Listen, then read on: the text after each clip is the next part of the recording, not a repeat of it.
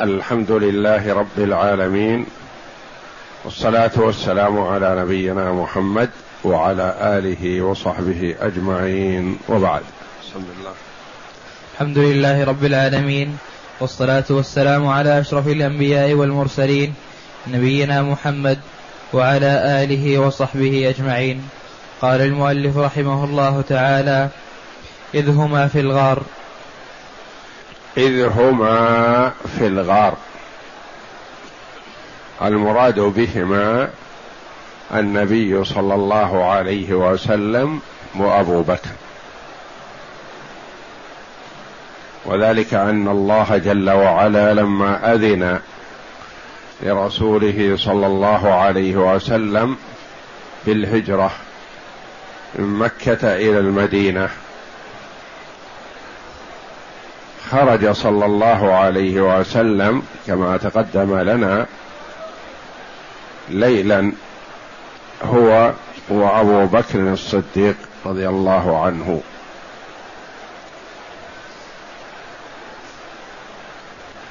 بعدما مر رسول الله صلى الله عليه وسلم على الجماعة الذين قعدوا يترصدون خروجه صلى الله عليه وسلم لقتله بضربة واحدة من المجموعة حتى يتفرق دمه في القبائل.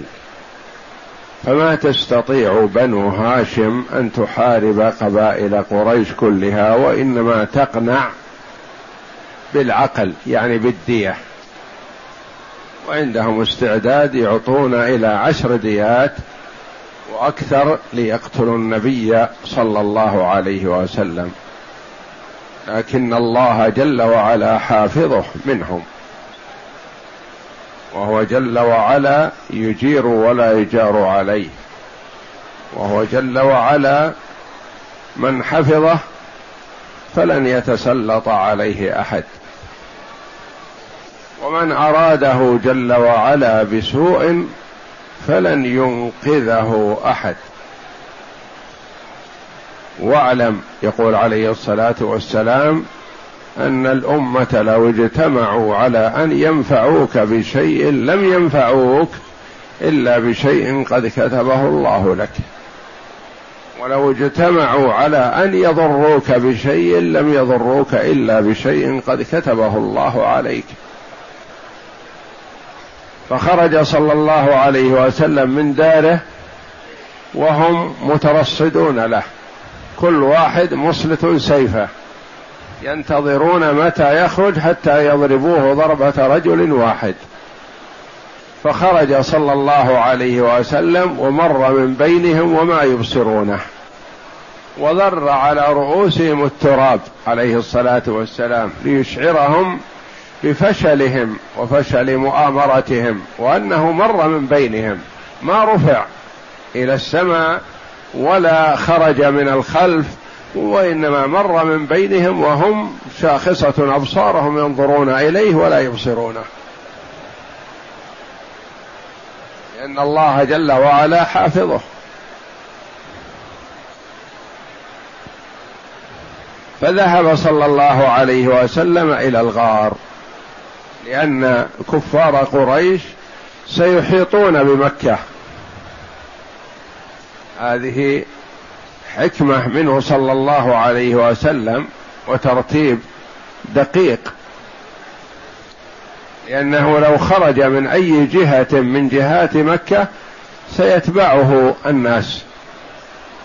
فهو يعلم أمته صلى الله عليه وسلم بأخذ الحيطة. والاحتياط وإلا فلو لحقه من لحقه لن يدركه ولن ينال منه شيء والله جل وعلا منقذه. كما سيأتينا في قصة سراقة ابن مالك. يصل إليه فتسيخ قوائم فرسه في الأرض وهي أرض صلبة. فيتعطل.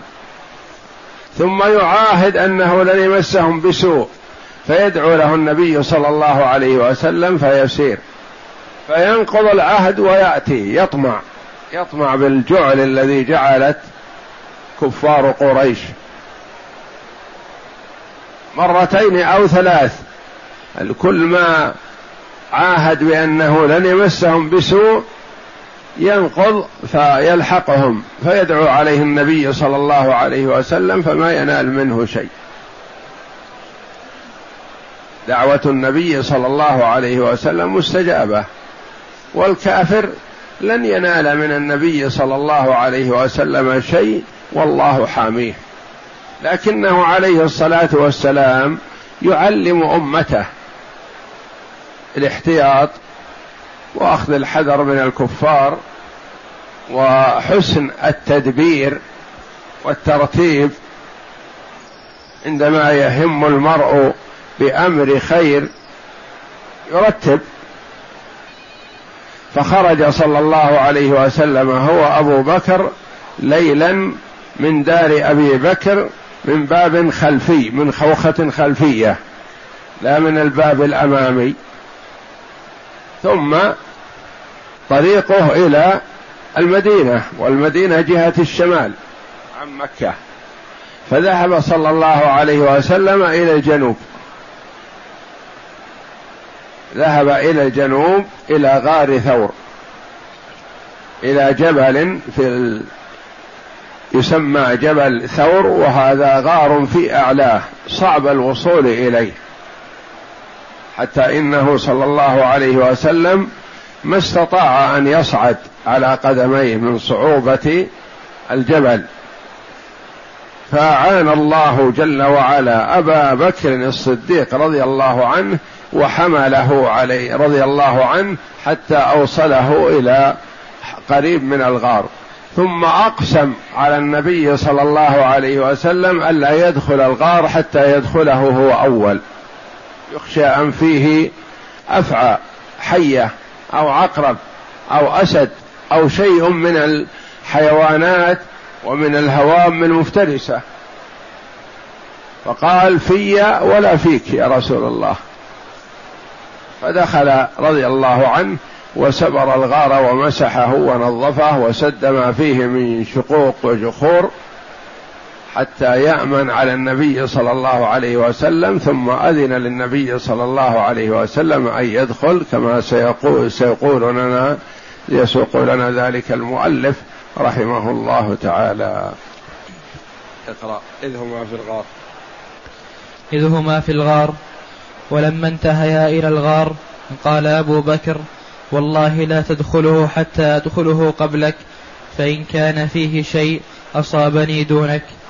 فدخله فكسحه. يعني مسحها ونظفه. نعم. ووجد في جانبه ثقبا فشق إزاره وسدها به وبقي منها اثنان فألقمهما رجليه. ما بقي معه شيء يسد الجحر فوضع رجليه رضي الله عنه بباب الجحر حتى إن كان فيه هامة أو داب أو عقرب أو شيء تصيب أبا بكر ولا تصيب النبي صلى الله عليه وسلم. نعم. ثم قال لرسول الله صلى الله عليه وسلم ادخل. فدخل رسول الله صلى الله عليه وسلم ووضع رأسه في حجره ونام. نام النبي صلى الله عليه وسلم وفرش أبو بكر رضي الله عنه حجره للنبي صلى الله عليه وسلم ليضع رأسه فيه بمثابة الوسادة فينام. نعم. فلدغ أبو بكر في رجله من الحجر ولم يتحرك مخافة أن ينتبه رسول الله صلى الله عليه وسلم فسقطت دموعه على وجه رسول الله صلى الله عليه وسلم فقال ما لك يا أبا بكر؟ قال لدغت قال لدغت فداك أبي وأمي. فتفل رسول الله صلى الله عليه وسلم فذهب ما يجده. وكمل لما ألقم رجليه للجحرين رضي الله عنه مخافة أن يخرج منهما شيء لدغ من أحدهما. فتصبر رضي الله عنه ولم يتحرك خشية أن يكدر على النبي صلى الله عليه وسلم نومه. وما شعر النبي صلى الله عليه وسلم إلا بدموع أبي بكر رضي الله عنه تسقط على وجه النبي صلى الله عليه وسلم. فقال ما لك يا أبا بكر؟ ما الذي حصل؟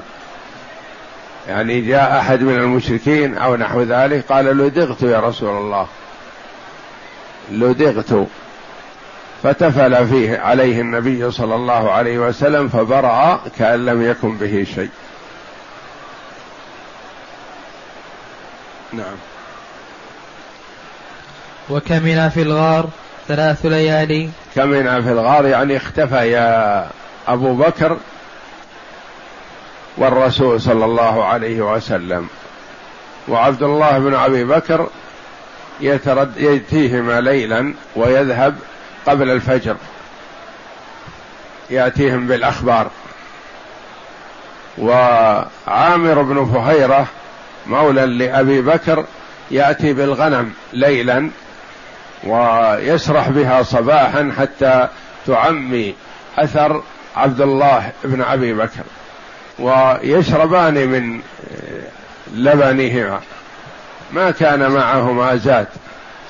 كان اللبن يأتي عمرو بن فهيرة بالغنم غنم لأبي بكر كأنها ترعى في الجبل فإذا كان الليل آه، حلب لهما فشربا من من حليبهما من حليب الغنم. وعبد الله يأتيهم ليلا ويذهب من عندهم قبل الفجر حتى يأتيهم في الليل يخبرهم ماذا ما الذي حصل ماذا فعلت قريش ونحو ذلك من الأخبار التي هم في حاجة إليها. نعم. وكمنا في الغار ثلاث ليالي ليلة الجمعة وليلة السبت وليلة الأحد. وكان عبد الله بن أبي بكر يبيت عندهما قالت عائشة وهو غلام شاب ثقف لقن فيدلج من عند من عندهما بسحر فيصبح مع يعني قريش. يتلقف الأخبار ويسمع ويمسك الخبر ويأتيهم في الليل. في النهار يكون مع كفار قريش. وفي الليل بعدما تظلم يظلم الجو يأتي إليهم في الليل وقبل الفجر ينطلق عنهم. وكان غلام لكن الله جل وعلا أعانه على ذلك. نعم. فيصبح مع قريش بمكة كبائت فلا يسمع أمرا يكتادان, يكتادان به إلا وعاه حتى يأتيهما بخبر ذلك حين يختلط الظلام.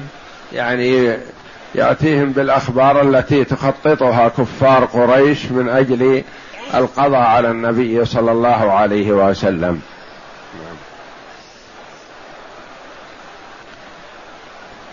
وكان يرعى عليهما عامر بن فهيرة مولى أبي بكر منحة من غنم فيريحهم فيريحها عليهما حين تذهب ساعة من العشاء.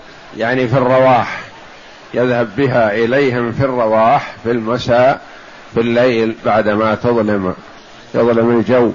ولا يرى الماشي فيتجه بالغنم إليهما في الغار. نعم. فيبيتان في رسل وهو لبن منحتهما ورضي ورضيفهما حتى ين حتى ينعق به ينعق بهما عامر بن فهيرة بغلس. ينعق بها في أثناء في آخر الليل يناديها يعني يذهب كأنه ذاهب يسرح بالغنم ويعود بها. نعم. يفعل ذلك في كل ليلة من تلك الليالي الثلاث. وكان عامر بن فهيرة يتبع بغنمه أثر عبد الله بن أبي بكر بعد ذهابه إلى مكة ليعفي عليه. يعفي عليه يعني يضيع عليه أثره. حتى ما يطلع المشركون على الأثر المنتظم فيتبعونه إلى الغار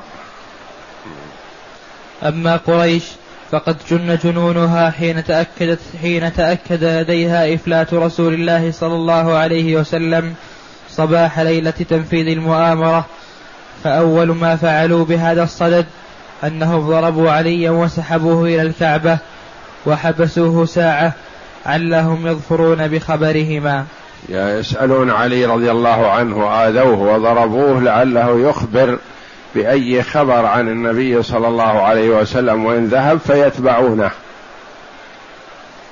ولكن علي رضي الله عنه ما أخبر بشيء وهو لا يعلم كذلك. النبي صلى الله عليه وسلم ما أعلمه ولا أعلم أهل أبي بكر. حتى أخفى الأمر عن كل أحد سوى صاحبه ورفيقه أبي بكر الصديق رضي الله عنه. ولما لم يحصلوا من علي على جدوى جاءوا إلى بيت أبي بكر وقرعوا بابه فخرجت إليهم أسماء بنت أبي بكر. أسماء كانت رضي الله عنها أكبر من عائشة. عائشة صغيرة وأسماء أكبر منها. فقالوا لها أين أبوك؟ قالت لا أدري والله أين أبي. فرفع أبو جهل يده وكان فاحشا خبيثا. فلطم خدها لطمة طرح منها قرطها. يعني سليط اللسان وجريء اليد وضرب البنت وكان من عادة كرماء العرب أنهم ما يمدون أيديهم إلى النساء. يعني يتحاشى أن يؤذي امرأة لكن هذا شقي لعين. مد يده على أسمى رضي الله عنها فضربها. وقررت قريش في جلسة طارئة مستعجلة استخدام جميع الوسائل التي يمكن بها القبض على الرجلين فوضعت جميع الطرق النافذة من مكة في جميع الجهات تحت المراقبة المسلحة الشديدة. يعني كلفت أناس يترصدون في جميع طرق مكة ما أخذوا طريق الشمال فقط. طريق المدينة وإنما من جميع الطرق لأنهم ما يدرون أين ذهب. فكلفوا أناس في كل طريق أن يقف مسلحا. متى رأى النبي صلى الله عليه وسلم وصاحبه أطلق عليهما النار. نعم. كما قررت إعطاء مكافأة ضخمة قدرها مئة ناقة بدل كل واحد منهم منهما لمن يعيدهما إلى قريش. حيين أو ميتين كائنا من كان. يعني أي واحد يحضر محمد صلى الله عليه وسلم يعطونه مئة ناقة. أو يحضر شيئا من جسمه ميت يعني كأن يكون ما استطاع أن يدفعه ويسوقه فيقتله ويحضره لهما. وكذلك مثل هذا لأبي بكر لأنهم تحمسوا ضد هذين الرجلين. فيظنون أنهم قادرون عليهما والله جل وعلا منقذهما. نعم. وحينئذ جدت الفرسان والمشاة وقصاص الأثر في الطلب. كلهم تعاونوا لأنه لتحقيق رغبة قريش ولأجل أن يظهر بهذا المال العظيم يعني مائة من الإبل ليست بسهلة. ثروة أعظم أكبر تاجر في الجزيرة العربية مثلا يكون عنده مائة من الإبل. وهو لن يدفعها رجل واحد منهم وإنما سيدفعها مجموعة من كفار قريش يتعاونون عليها. وانتشروا في الجبال والوديان والوهاد والهضاب لكن من دون جدوى وبغير عائدة. وقد وصل المطر يعني ما تركوا مكان إلا وأتوه. حتى قرب الغار الذي فيه الرسول صلى الله عليه وسلم وقفوا عليه. ويقول أبو بكر رضي الله عنه لو نظر أحدهم إلى قدمه لأبصرنا لأن ما بين أقدامهم ومجلس النبي صلى الله عليه وسلم وأبي بكر إلا شيء يسير جدا. لكن الله جل وعلا حاميه ومنقذه. نعم. وقد وصل المطاردون إلى باب الغار ولكن الله غالب على أمره. روى البخاري عن أنس عن أبي بكر رضي الله عنه قال كنت مع النبي صلى الله عليه وسلم في الغار فرفعت رأسي فإذا أنا بأقدام القوم فقلت يا نبي الله لو أن بعضهم طأطأ بصره ورآنا. لو نزل بصره لرآهم. لكن الله جل وعلا أعمى بصائرهم وأبصارهم. نعم. قال اسكت يا أبا بكر اثنان الله ثالثهما. فهو منقذهما جل وعلا. وفي لفظ ما ظنك يا أبي بكر يا أبا بكر باثنين الله ثالثهما. يقول لصاحبه لا تحزن إن الله معنا. أنزلها الله جل وعلا قرآنا يتلى إلى يوم القيامة. وقد كانت معجزة أكرم الله بها نبيه صلى الله عليه وسلم فقد رجع المطاردون حين لم يبق بينه وبينهم إلا خطوات معدودة. في الطريق إلى المدينة. وحين خمدت نار بعد المكث بالغار ثلاثة أيام توجه صلى الله عليه وسلم إلى المدينة مع غير الطريق المعروف. أبعد صلى الله عليه وسلم عن الطريق المعروف وكان ما يعرف الطريق ولا أبو بكر وإنما استأجر رجلا كافرا. استأجر رجلا كافرا لكنه ثقة وثق به. نعم. وحين خمدت نار الطلب وتوقفت أعمال دوريات التفتيش وهدأت ثائرات قريش بعد استمرار المطاردة الحثيثة ثلاثة أيام بدون جدوى. تهيأ رسول الله صلى الله عليه وسلم وصاحبه للخروج إلى المدينة وكان قد استاجر عبد الله بن وريقط الليثي. الليثي عبد الله بن وريقط هذا ماهر دليل يعني يعرف الطريق يعرف الطريق ويتجنب الطرق المسلوكة والتي يمر بها الناس. لأن من الناس من يدل مع الطريق المعروف. لكن إذا أبعد عن الطريق المعروف قد يتيه فيهلك. فهذا دليل خريت يعني يعرف الطريق واستأجراه وسلماه الراحلتين ليحضرهما لهما بعد ثلاثة أيام. فوفى بما التزم به للنبي صلى الله عليه وسلم وفضل الوفاء بما التزم به على مئة من الإبل من كفار قريش. لأن من العرب من عنده نخوة ومروءة ورجولة والتزام بالعهد ووفاء بالذمة ما يخون وإن كان كافرا نعم وكان هاديا خريتا ماهرا بالطريق. خريت يعني ماهر بالطريق يعرف ما يضيع. وكان على دين كفار قريش وأمناه على ذلك وسلما إليه راحلتيهما ووعداه وواعداه غار ثور بعد ثلاث ليالي. فلما كانت ليلة الاثنين براحلتيهما. براحلتيهما.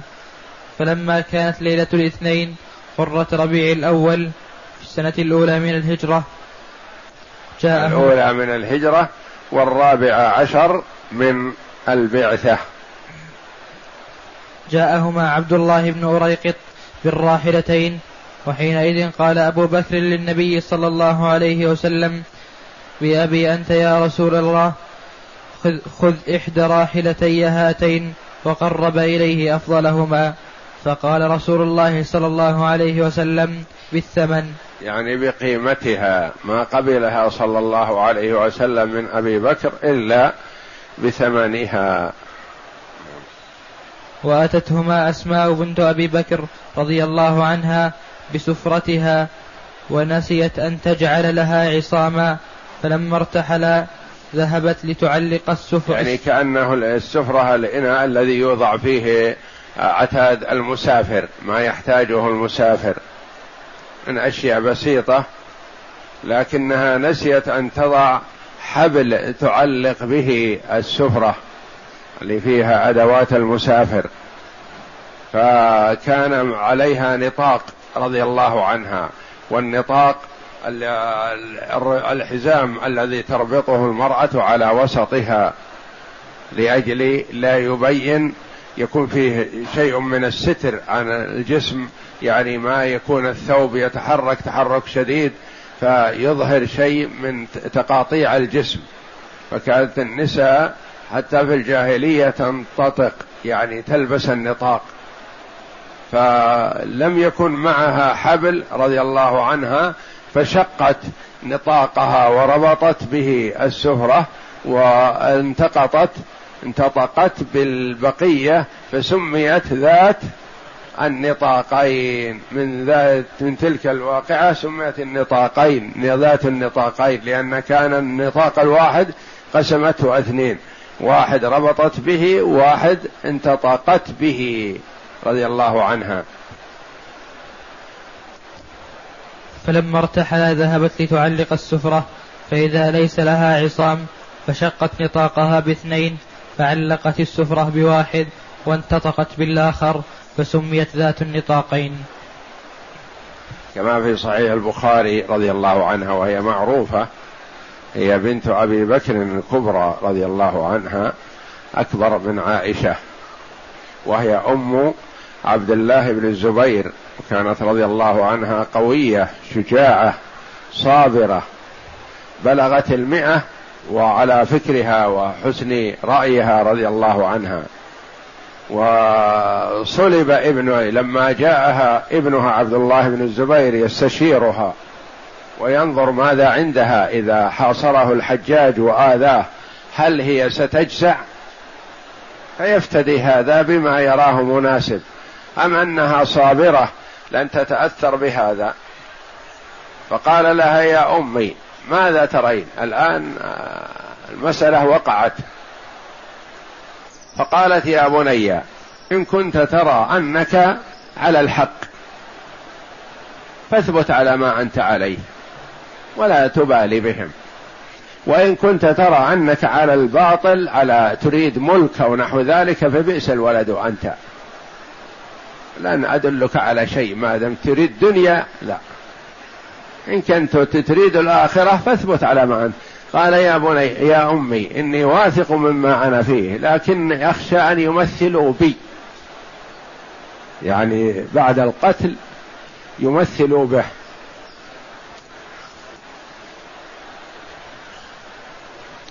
قالت رضي الله عنها وما يضير الشاة سلخها بعد ذبحها؟ يعني الشاة هل تتأثر من السلخ بعد الذبح؟ لا ذبحت خلاص صارت ما تدري. وهو أنت يا ولدي إذا قتلت مثلوا أو ما مثلوا. وهو يقصد هي رضي الله عنها يقصدها هل ستتأثر من التمثيل به؟ وفعلا قتلوه رضي الله عنه وصلبوه. وقيل وقالوا لن ننزل حتى تشفع فيه أمه أسماء تطلبنا أن ننزله من الصلب ولا القتل قتل. فكانت تمر به ذاهبة وعائدة ولا تقول شيئا. فلما مضى أيام قالت أما آن لهذا الفارس أن يترجل؟ فأنزل رضي الله عنه من الخشبة التي صلب عليها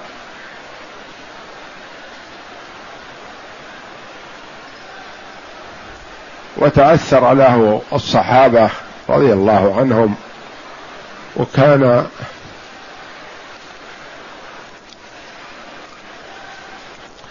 كان رضي الله عنه هو أول مولود للمهاجرين في المدينة بعد هجرة النبي صلى الله عليه وسلم. وكان اليهود عليهم لعنة الله. قالوا إن المهاجرين لن يولد لهم. وإن ولد لهم شيء فسيكون فيه عيوب. من باب الإرجاف والإخافة. فكان هو أول مولود وكان ونشأ نشأة حسنة رضي الله عنه. صحابي جليل صحب النبي صلى الله عليه وسلم وأخذ عنه. وجده من قبل أمه أبو بكر الصديق رضي الله عنه. وأبوه الزبير بن العوام ابن عمة رسول الله صلى الله عليه وسلم وأحد المبشرين بالجنة.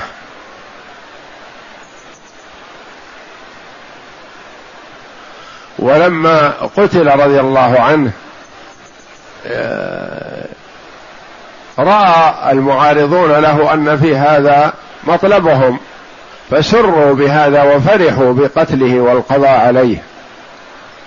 فقال عبد الله بن عباس رضي الله عنهما والله للذين فرحوا بولادته خير وأبر ممن فرحوا بموته أو بقتله أو كما قال رضي الله عنه.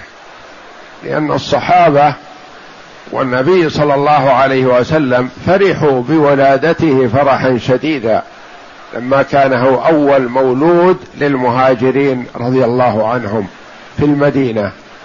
ففرحوا به.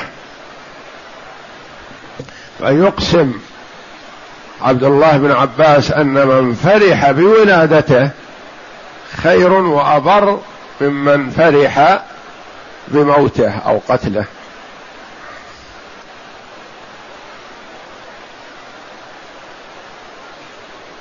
ابن عباس وابن عمر الله أعلم. الآن نسينا نعم.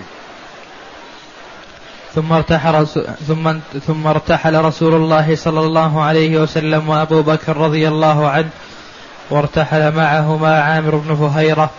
فأخذ عامر بن فهيرة هذا مولى لأبي بكر رقيق أخذاه معهما لحاجتهما إليه. نعم. وأخذ بهم الدليل عبد الله بن أريقط على طريق السواحل. يعني جنب بهم الطرق المعروفة. أبعد بهم عن الطرق المعروفة حتى لا يلحقهم أحد.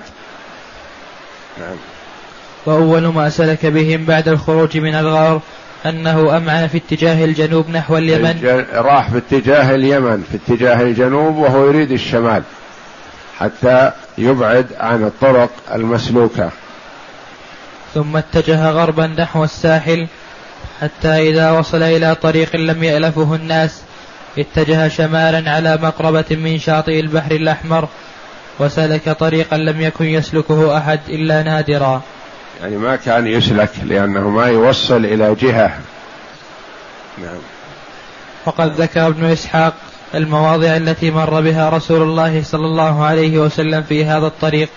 قال لما خرج بهما الدليل سلك بهما أسفل مكة ثم مضى بهما على الساحل حتى عارض الطريق أسفل من عسفان ثم سلك بهما على أسفل أمج ثم استجاز بهما حتى عارض بهما الطريق بعد أن أجاز قديدا. قديدا قديد.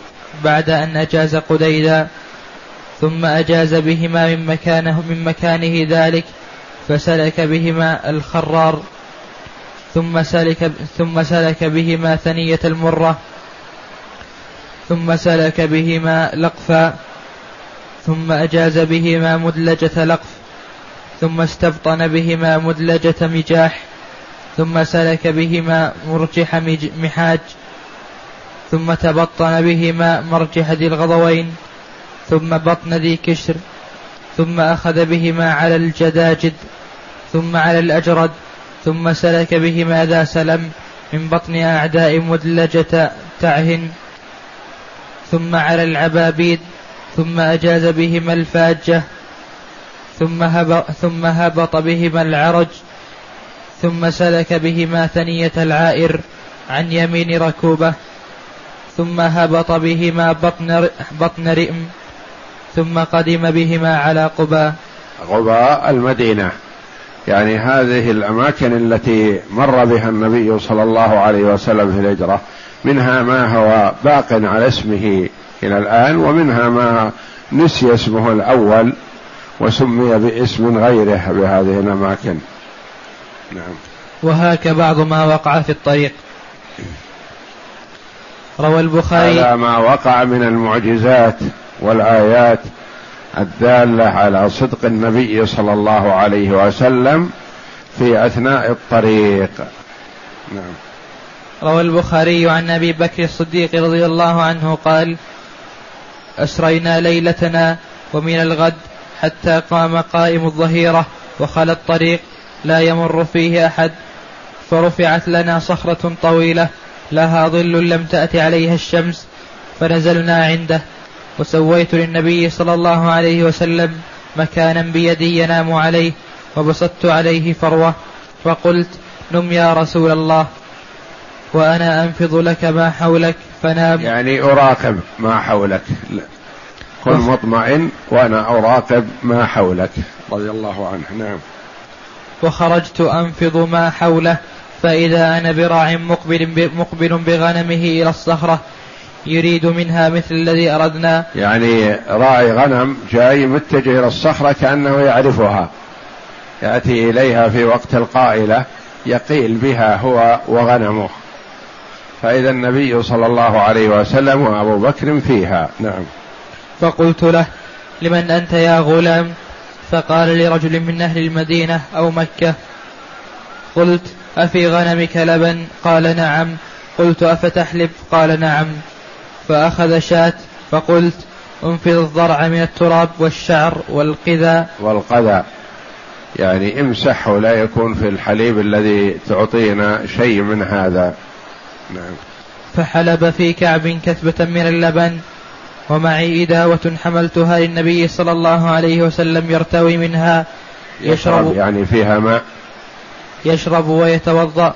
فأتيت النبي صلى الله عليه وسلم فكرهت أن أوقظه فوافقته حين استيقظ فصببت يعني أتى بالحليب. أبو بكر لكنه كره أن يوقظ النبي صلى الله عليه وسلم وهو نائب فمسكه بيده حتى انتبه النبي صلى الله عليه وسلم. نعم. فصببت من الماء على اللبن حتى برد أسفله فقلت اشرب يا رسول الله فشرب حتى رضيت. يعني رضيت عما شرب يعني إنه شرب ما يكفيه عليه الصلاة والسلام. ثم قال ألم يئن الرحيل؟ قلت بلى. قال فارتحلنا. وكان من داب أبي بكر رضي الله عنه أنه كان ردفا للنبي صلى الله عليه وسلم وكان شيخا يعرف يعرف. وكان شيخا يعرف. والنبي ونبي الله صلى الله عليه وسلم شاب لا يعرف. فيلقى الرجل أبا بكر فيقول من هذا الرجل الذي بين يديك؟ فيقول هذا الرجل يهديني الطريق. فيحسب الحاسب أنه يعني به الطريق وإنما يعني سبيل الخير.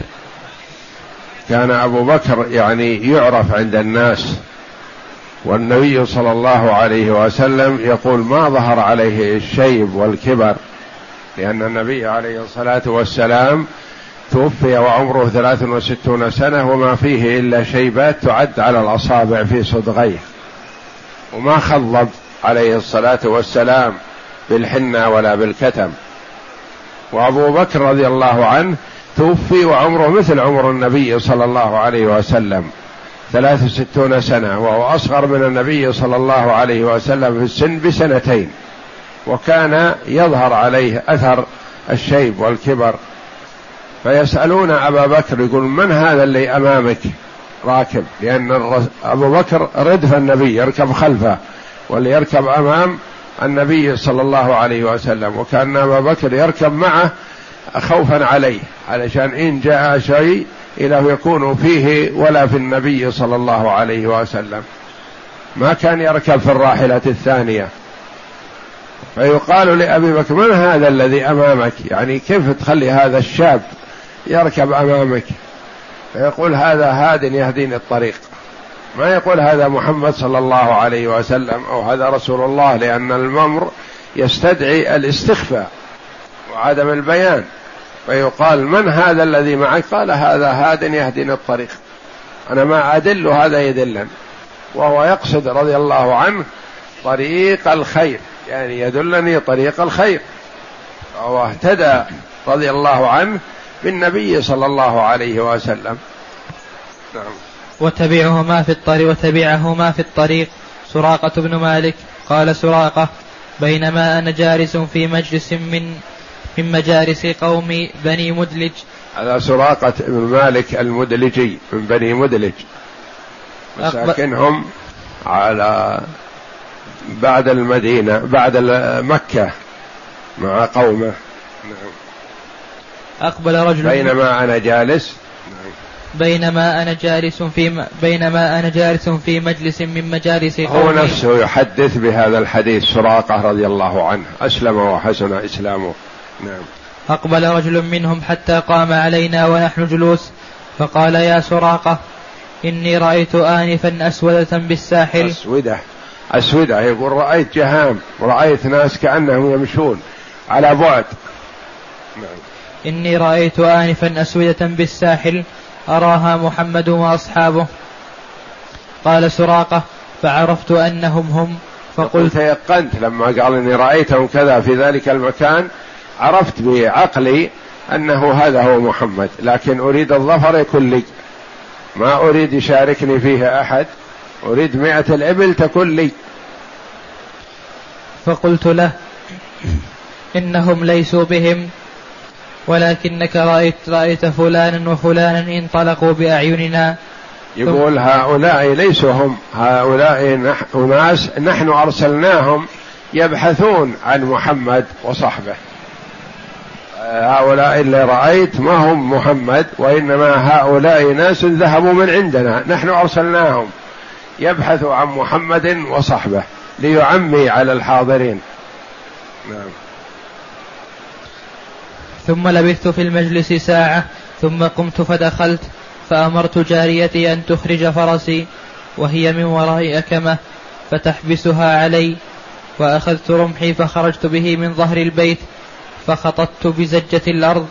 زجة بزجة يعني آه، المحدد فيه المدبس الذي يضرب فيه لأنه أخذ سلاحه وما يستطيع أن يظهر أخذه السلاح أمام الآخرين يخرجون معه.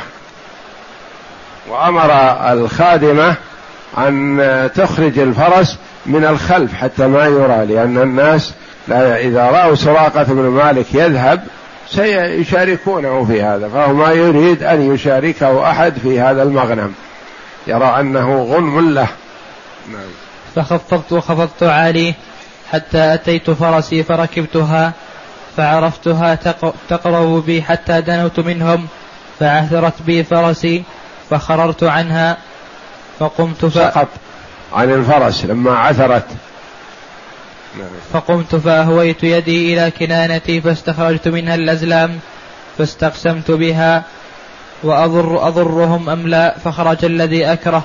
كان عندهم الأزلام التي يستقسمون بها في الجاهلية. إذا عزم على شيء ما حرك هذه الأقلام وهذه الألواح المكتوب فيها فينظر. إن خرج له أقدم أقدم. وإن خرج له أحجم أو تأخر أو لا تقدم تأخر. وهو سميع مطيع لهذه الأزلام. فاستقرع بأزلامه فخرج عليه لا تفعل ارجع. لكنه ما ما رجع. يعني استغلى الثمن الذي سيأخذه إذا رد محمدا صلى الله عليه وسلم وصحبه. فاستقسم بالأزلام فخرجت الأزلام له أن ارجع لكن ما رجع. نعم. فخرج الذي أكره فركبت فرسي الذي و... أكره وهو الرجوع ما يحب أن يرجع هو. فركبت فرسي فرسي وعصيت الأزلام تقرب تقرب بي حتى إذا سمعت قراءة رسول الله صلى الله عليه وسلم وهو لا يلتفت وأبو لا يلتفت عليه الصلاة والسلام وهو ماشي في الطريق ويقرأ. وأبو يتقرب إلى الله جل وعلا بقراءة القرآن عليه الصلاة والسلام. وأبو بكر يكثر الالتفات. يكثر الالتفات رضي الله عنه خوفا على النبي صلى الله عليه وسلم لا خوفا على نفسه رضي الله عنه. نعم. ساخت يدا فرسي في الأرض حتى بلغت الركبتين. فخررت عنها ثم زجرتها فنهضت. ساخت القوائم في الأرض حتى بلغت ركبتي الفرس يعني غاصت واختفت ما استطاع أن يحركها ولا يمشي. فخررت عنها ثم زجرتها فنهضت فلم تكد تخرج يديها. فلما استوت قائمة إذ لأثر يديها غبار ساطع في السماء مثل الدخان. فاستقسمت بالأزلام فخرج الذي أكره فناديت ذلك الذي يقول له ارجع. نعم. فناديتهم بالأمان فوقفوا فركبت فرسي حتى جئتهم ووقع في نفسي حين لقيت ما لقيت من الحبس عن من الحبس عنهم أن, أن سيظهر أمر رسول الله صلى الله عليه وسلم فقلت له عرفت يقين بأن الله جل وعلا هو المدافع عنهما وأن الله سيظهر أمره. ما يعني رأى المعجزات الباهرة. فرس جواد وهو شيخ من شيوخ العرب. سراقة بن مالك وكان آه، في الجسم والرأي والعلم والمعرفة يرجع إليه. ولهذا كان آه، سراقة يضرب به المثل في الرجولة والشجاعة فكانت فرسه جواد جيدة لكن الله جل وعلا عطلها وحبسها كما قال صلى الله عليه وسلم حبس حابس الفيل. كذلك القصوى ناقة النبي صلى الله عليه وسلم في الحديبية حبست. قالوا كلأت القصوى قال ما كلأت وليس لها ذلك بخلق وإنما حبسها حابس الفيل. الله جل وعلا ما أراد منا أن ندخل مكة عنوة وحربا. حبسها حابس الفيل. وكذلك هذه الجواد جواد سراقة بن مالك. ف وكان لما خرج كفار قريش إلى بدر تبدى لهم إبليس في صورة سراقة بن مالك يقول أنا معكم وأنا أدافع عنكم هو الشيطان اللعين. لأن سراقة بن مالك يعتد به ويؤخذ به. إذا وعد يفي. نعم. فقلت له إن رأى هذا ساطع في السماء. يعني هذا الغبار من أثر أقدامهم أنه نور ساطع ماشي إلى السماء وهو حراسة الملائكة عليهم الصلاة والسلام مع النبي صلى الله عليه وسلم في ممشاه وفي جميع أحواله. يحوطونه ويحمونه بأمر الله جل وعلا. فقلت له إن قومك قد جعلوا فيك الدية وأخبرتهم أخبار ما يريد الناس بهم وعرضت عليهم الزاد والمتاع فلم يرزآني ولم يسألاني إلا أن قال أخف عنا فسألته أن يكتب, أن يكتب لي كتاب أمن. فأمر عامر بن فهيرة فكتب لي في رقعة من أدم ثم مضى رسول الله صلى الله عليه وسلم. وفي رواية عن أبي بكر قال ارتحلنا والقوم يطلبوننا فلم يدركنا منهم أحد غير غير سراقة بن مالك بن, بن جعشم على فرس له. فقلت هذا الطلب قد لحقنا يا رسول الله. فقال لا تحزن إن الله معنا. ورجع سراقة فوجد الناس في الطلب فجعل يقول قد استبرأت لكم الخبر قد كفيتم ما ها هنا. وكان أول النهار جاهدا عليهما وآخره حارسا لهما. كان أول النهار يس يسعى سعيا حثيثا في القبض عليهم. ثم لما رأى ما رأى صار يدافع عنهم. من رأى من من الطلاب من الحراس من من يبحث قال ارجع ما في أحد هنا هذا الطريق أنا سبرته ما في أحد. فكان حارسا عليهما رضي الله عنه. ومر في مسير في مسيره ذلك حتى مر بخيمتي أم أم معبد الخزاعية. يكفي هذا. ودرس القادم إن شاء الله في مواصلة الطريق من مكة. إلى المدينة والمرور بخيمة أم معبد. نحن في الكلام على طريقه صلى الله عليه وسلم في هجرته من مكة إلى المدينة. ومر بنا أن سراقة بن مالك كان حريصا على القبض على النبي صلى الله عليه وسلم ومن معه ليظفر بجائزة قريش. ثم إنه بعد قليل أصبح حارسا عليهما. على النبي صلى الله عليه وسلم وعلى النبي صلى الله عليه وسلم وأبي بكر رضي الله عنه. ويدفع الناس عن ملاحقتهما. وأن النبي صلى الله عليه وسلم في طريقه من مكة إلى المدينة حصل فيها أمور تدل على كرامته صلى الله عليه وسلم على ربه ومعجزات له تدل على صدقه فيما يقوله عن ربه تبارك وتعالى.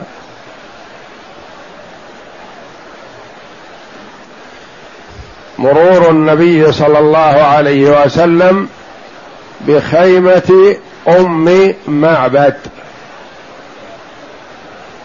حصل فيها أمور عجيبة معجزة له صلى الله عليه وسلم.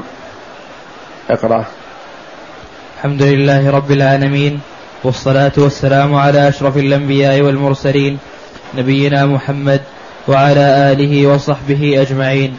قال المؤلف رحمه الله تعالى ومر في مسيره ذلك حتى مر بخيمة أم معبد الخزاعية. بخيمتي أم معبد لأنها سنتين نعم. بخيمتي أم أم معبد الخزاعية. وكان أم معبد امرأة برزة تقابل الرجال وتضيف الناس ومن مر بها أطعمته وسقته اللبن وهي من قبيلة خزاعة. وخزاعة كانوا ممن دخل في عهد وحلف النبي صلى الله عليه وسلم لما تعاهد صلى الله عليه وسلم مع كفار قريش في صلح الحديبية ومن ضمن بنود الصلح أن من رغب أن يدخل مع محمد صلى الله عليه وسلم من القبائل دخل ومن أراد أن يدخل مع قريش دخل. فخزاعة ممن دخل مع النبي صلى الله عليه وسلم وبنو بكر دخلوا مع قريش. ثم إنه حصل نزاع بين الطائفتين بين بني بكر وخزاعة. كان هو السبب في فتح مكة شرفها الله. وإلا فكان العهد عشر سنين من السنة السادسة إلى السنة السادسة عشرة. ولو استمر العهد لتوفي النبي صلى الله عليه وسلم قبل أن يدخل مكة. لكن الله جل وعلا أنجز له ما وعده. فحصل نزاع بين بني بكر وخزاعة.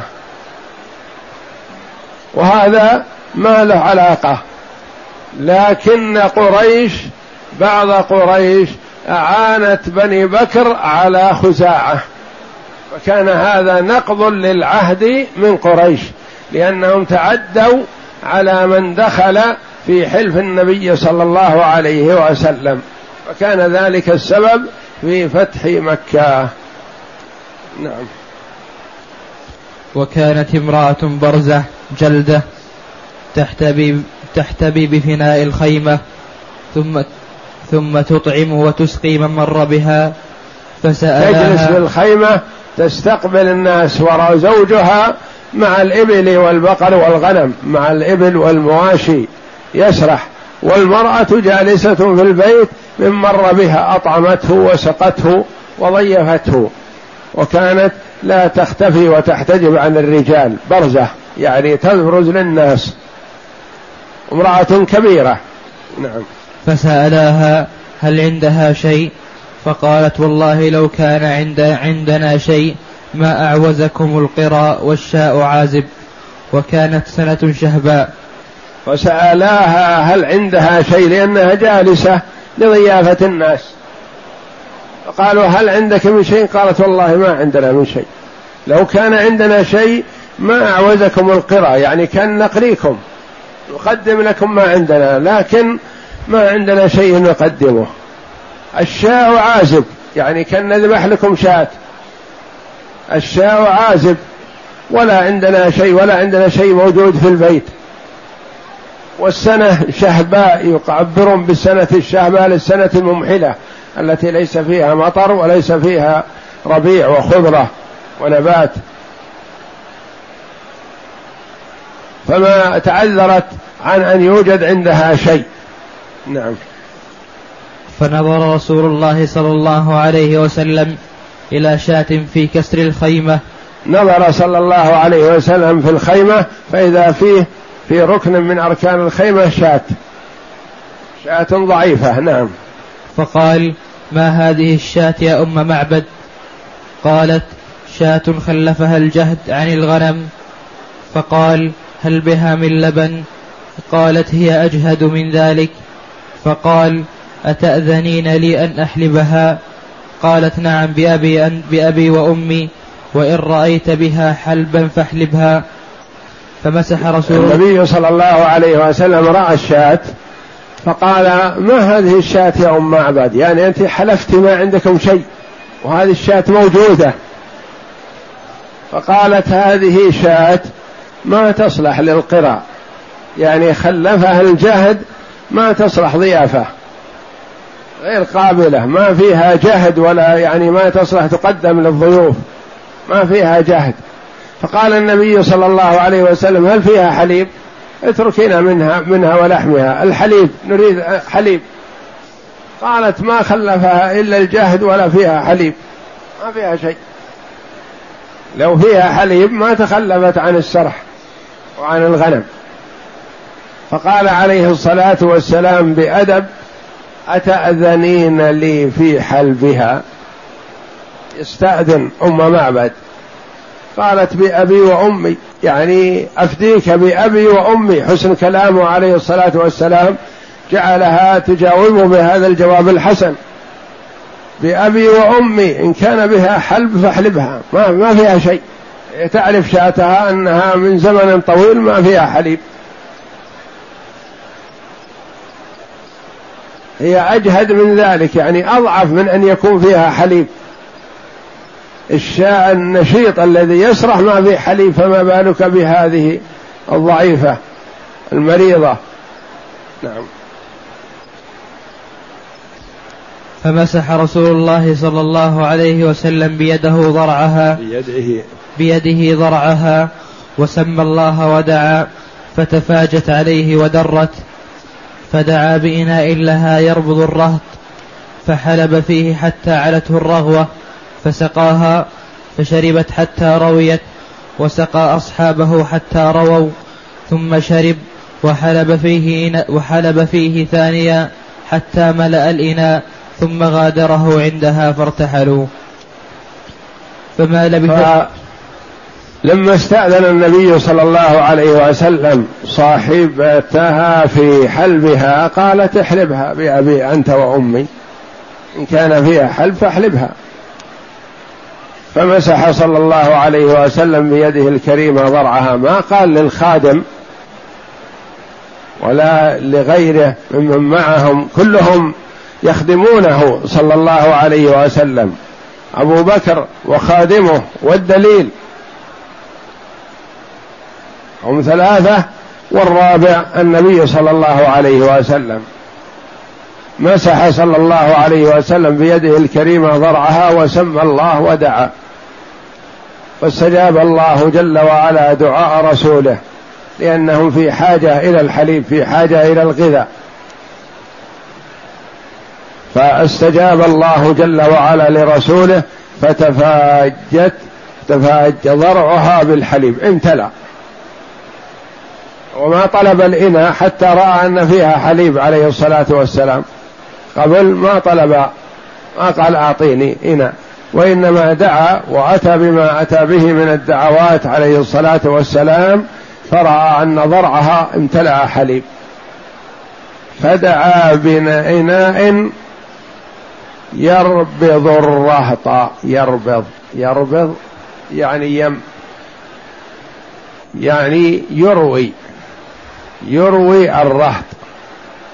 يقال هذا يربض الرهط يعني يشربون فيروون فيميلون إلى الأرض من ثقلهم وكثرة ما شربوا يعني يرويهم ويملأ بطونهم. والمرء إذا شرب وامتلأ بطنه صار في حاجة إلى الأرض. ما يثقل عن المشي.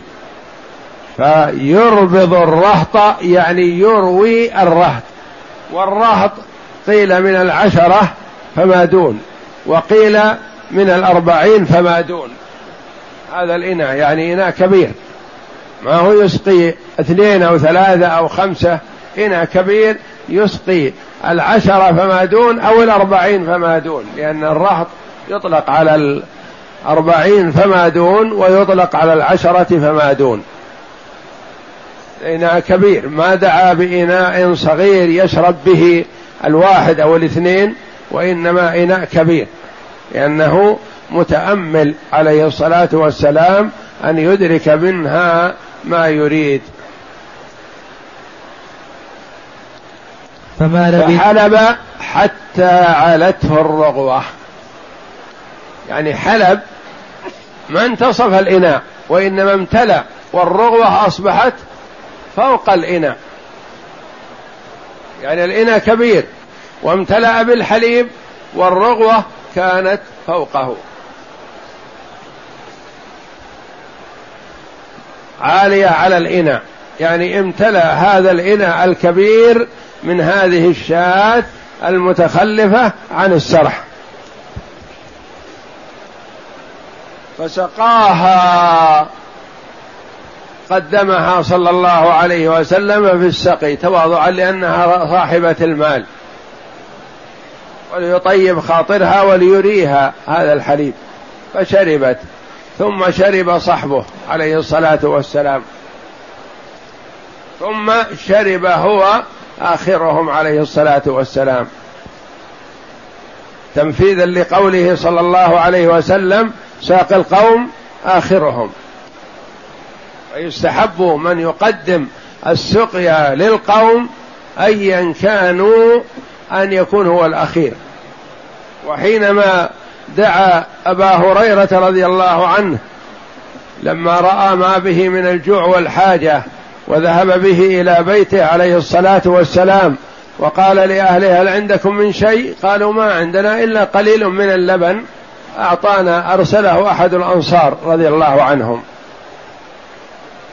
فاطلع عليه أبو هريرة ففرح قال بيحصل لي شربة من هذا إن شاء الله يشرب النبي ويترك لي شيء قليل. اسد به جوعتي. فقال يا أبا هريرة ادعو أهل الصفة. أهل الصفة ما بين السبعين والمئة. ومن فقراء المهاجرين والصحابة رضي الله عنهم اللي ما لهم مأوى. حجرة صفاه في المسجد النبوي. ياوي إليها فقراء الصحابة رضي الله عنهم. يقول قلت في نفسي ما هذا بجانب أهل الصفة سبعين أو مئة؟ يقول فدعوتهم. ولا شك أبا هريرة سيكون بعدهم لأنه يبي يدور عليهم باللبن فناوله النبي صلى الله عليه وسلم لأبي هريرة على أساس يسقيهم. فشربوا شربوا شربوا حتى تكملهم كلهم.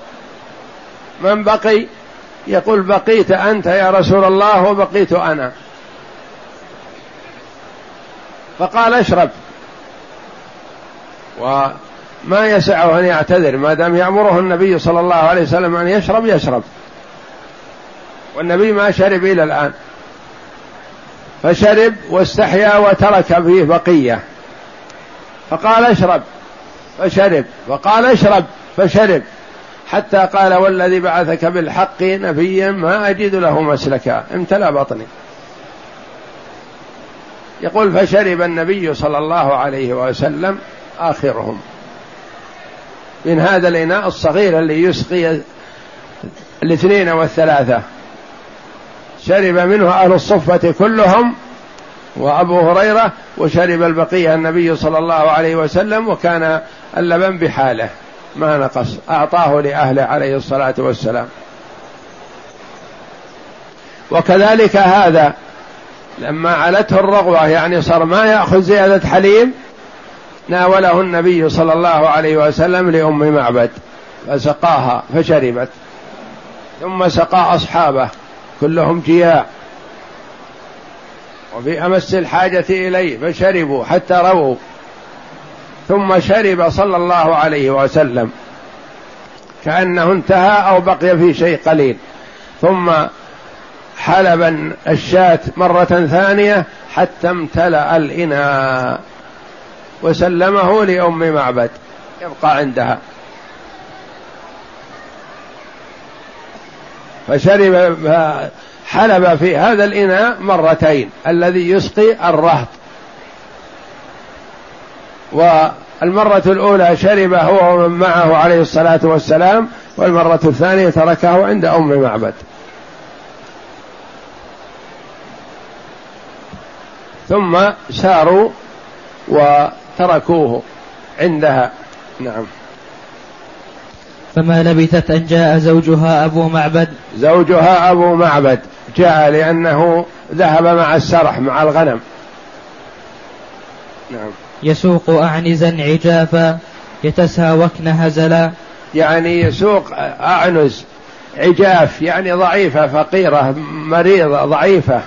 لا حال فيها لأنها ما في نبات في الأرض.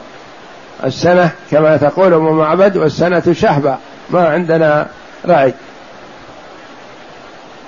نعم. فلما رأى اللبن عجب فقال عجب منين هاللبن ذا؟ ما حلم أحد ولا حلهم جيران يهدون إليها شيء من اللبن ولا عندها إلا هالشاة الضعيفة. منين هذا اللبن يا أم معبد؟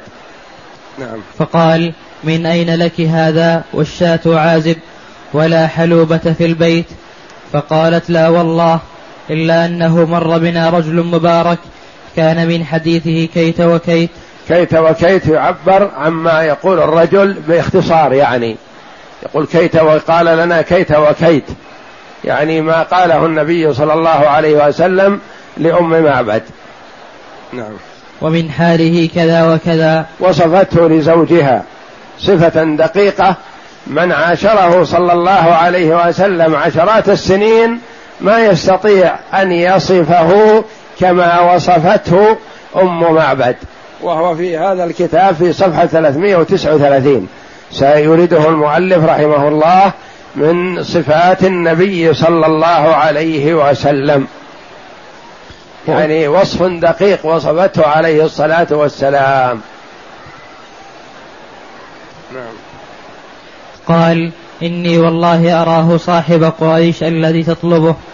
يقول هذا أكيد هو صاحب قريش الذي أعلنوا عن البحث عنه. هذا رجل مبارك. هذا فيه خير. نعم. صفيه لي يا أم معبد. صفيه لي يا أم معبد. أذكر لي صفته حتى أعرفه. نعم. فوصفته بصفاته الرائعة بكلام رائع كأن السامع ينظر إليه وهو أمامه. وسننقله في بيان صفاته صلى الله عليه وسلم في أواخر المقالة. فقال أبو معبد والله هذا صاحب قريش الذي ذكروا من أمره ما ذكروا. لقد هممت أن نصحبه ولا أفعلن إن وجدت إلى ذلك سبيلا. يعني سر بهذا وفرح أبو معبد ووعد بأنه سيصحبه. وأص... لأن هذا رجل مبارك وما ينبغي أن يطرد عن مكة عليه الصلاة والسلام. نعم. وأصبح صوت بمكة عاليا يسمعونه ولا يرون القائل. يعني كان أهل مكة ما يدرون إلى أين اتجه النبي صلى الله عليه وسلم. وما أتاهم خبر أنه رؤي في طريق ما. ما يدرون هل ذهب جهة اليمن ذهب جهة المدينة ذهب جهة الطائف ذهب أي جهة ما يدرون. وهم ترصدوا في جميع الطرق ما وجدوا عنه خبر. أعمى الله جل وعلا العيون عنه. إلا هو مشى مع الطريق وبين في رحلته عليه الصلاة والسلام. لكن الله جل وعلا أعمى عيون الكفار عنه. ومن اطلع عليه ممن رآه هداه الله وستر على النبي صلى الله عليه وسلم ولم يخبر. يعني الذين رأوه كانوا شديد الحرص على القبض عليه أصبحوا حماة له عليه الصلاة والسلام لأن قلوب العباد بين اصبعين من يقلب قلب العبد إذا شاء جل وعلا على ما يريد من هداية أو ضلال. نعم. جزى الله رب العرش خير جزائه. جزى الله رب العرش خير جزائه. رفيقين. الرفيقين هي المفعول. جزى الله وصف الله والله فاعل. جزى الله رب العرش خير جزائه رفيقين حلا خيمتي أم معبدي. هذا جني جاء ويظهر أنه جني مستقيم جني مسلم أو أسلم. كلامه حسن. فاطلع أهل مكة ومن فيها من المسلمين على أن الرسول توجه للمدينة لأنهم يعرفون أن خيمة أم معبد على طريق من أراد التوجه إلى المدينة. يعرفون أم معبد مشهورة عندهم كلهم لأنها تضيف الناس. نعم. جزى الله رب العرش خير جزائه رفيقين حلا خيمتي أم معبد هما نزلا بالبر وارتحلا به. هما نزلا بالبر يعني بالخير والبركة. وارتحلا بالبركة معهم يعني البركة والبر والخير معهم مصاحب لهم. يعني ما, ما نزلوا بخيمة أم معبد وتركوها هذه الصفة عند أم معبد بل ارتحلوا بها لأن هذه صفتهم. نعم. وأفلح من أمسى رفيق محمد. أفلح. من أصبح رفيق محمد رفيقه في, الطريق كأبي بكر ومن معه أو رفيقه في الهجرة أو رفيقه في الإسلام يعني من أصبح موافقا لمحمد صلى الله عليه وسلم فقد أفلح. فيا لقصي ما زوى الله عنكم به من فعال لا يجازى وسؤدد. يقول يا لقصي يا لقصي المراد قريش. ما ما ما هو الشيء العظيم الذي زواه الله عنكم؟ يعني كان الخير عندكم وكان البر عندكم وكان الرسول الأمين عندكم ففرطتم به فزوى الله عنكم الخير. يعني حرمكم الله خير محمد صلى الله عليه وسلم انفعال لا يجازى وسؤدد يعني تركتم السيادة وتركتم الخير وتركتم ما فيه فلاحكم في الدنيا والآخرة نعم. ليهم بن بني كعب لي ليهم بن ليهم بني كعب مكان فتاتهم. مفات مكان فتاتهم. بني كعب الذين هم بني خزاعة هؤلاء الذين مر بهم النبي صلى الله عليه وسلم. فتاتهم اللي هي أم معبد. نعم. ومقعدها للمؤمنين بمرصد. يعني قعدت للمؤمنين بالطريق وضيفتهم. نعم. سلوا أختكم عن شاتها وإنائها فإن المعجزة في الشاة هذه التي لا حليب فيها والإناء الكبير العظيم الذي ملأه النبي صلى الله عليه وسلم من حليب هذه الشاة سلوا أختكم اللي هي أم معبد عن شاتها وإنائها. نعم فإنكم. فإنكم إن تسألوا الشاة تشهدوا. فإنكم إن تسألوا الشاة تشهد. الشاة لو سألتموها تشهد لأنه ما كان فيها حليب وحلبت. وهي بهيمة. تشهد بما رأت من المعجزة العظيمة. نعم. قالت أسماء. أسماء بنت أبي بكر الصديق رضي الله عنها. ومن حكمة النبي صلى الله عليه وسلم أنه ما أطلع في هجرته هذه إلا رفقاؤه في الرحلة. أسماء بنت أبي بكر التي ربطت لهم سفرة حاجتهم وما يحتاجونه في رحلتهم ما تدري إلى أين يتجهون. ما سألتهم ولا أخبرها النبي صلى الله عليه وسلم.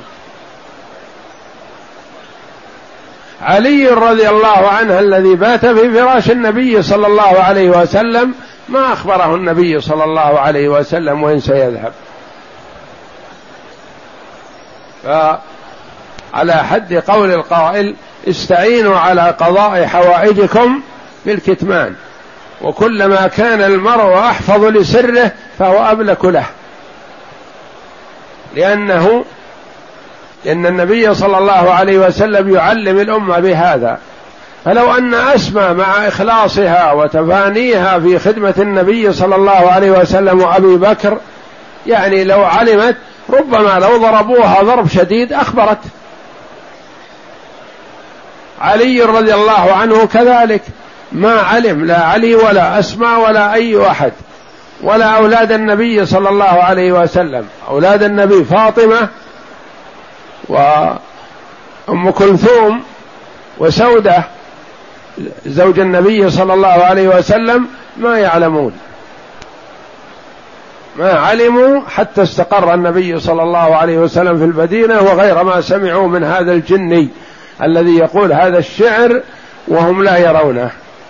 يمشي في طريق في أحد طرق مكة ويقول الشعر يسمعون الشعر ولا يرون شخص لأنهم حجبهم الله جل وعلا عنا في الدنيا. فهم يروننا ونحن لا نراهم. يقول شيخ الإسلام ابن تيمية رحمه الله نحن وإياهم. في الجنة نراهم إذا دخلوها ولا يروننا. والخلاف بين أهل العلم رحمة الله عليهم في مؤمن الجنة. مؤمن الجن هل يدخلون الجنة أو يكون في مكان خاص أو يكون مع المؤمنين أو خلاف عندهم رحمهم الله. فهذا الرجل الجني يقول هذا الشعر ويمشون وراءه يسمعون ولا يرون أحد. فبسماعهم هذا عرفوا لما أنهم ذكر أنهم مروا بخيمة أم معبد عرفوا أن خيمة أم معبد في طريق المتوجه إلى المدينة. قالت أسماء نعم. قالت أسماء ما درينا أين توجه رسول الله صلى الله عليه وسلم إذ أقبل رجل من الجن من أسفل مكة فأنشد هذه الابيات والناس يتبعونه ويسمعون صوته ولا يرونه حتى خرج من نعلاها قالت فلما سمعنا قوله عرفنا حيث توجه رسول الله صلى الله عليه وسلم وأن وجهه إلى المدينة. نعم. وفي الطريق لقي النبي صلى الله عليه وسلم هذا الأمر الخامس الذي ملفت للنظر في طريقه صلى الله عليه وسلم إلى المدينة. رقم خمسة. وخيمة أم معبد رقم أربعة.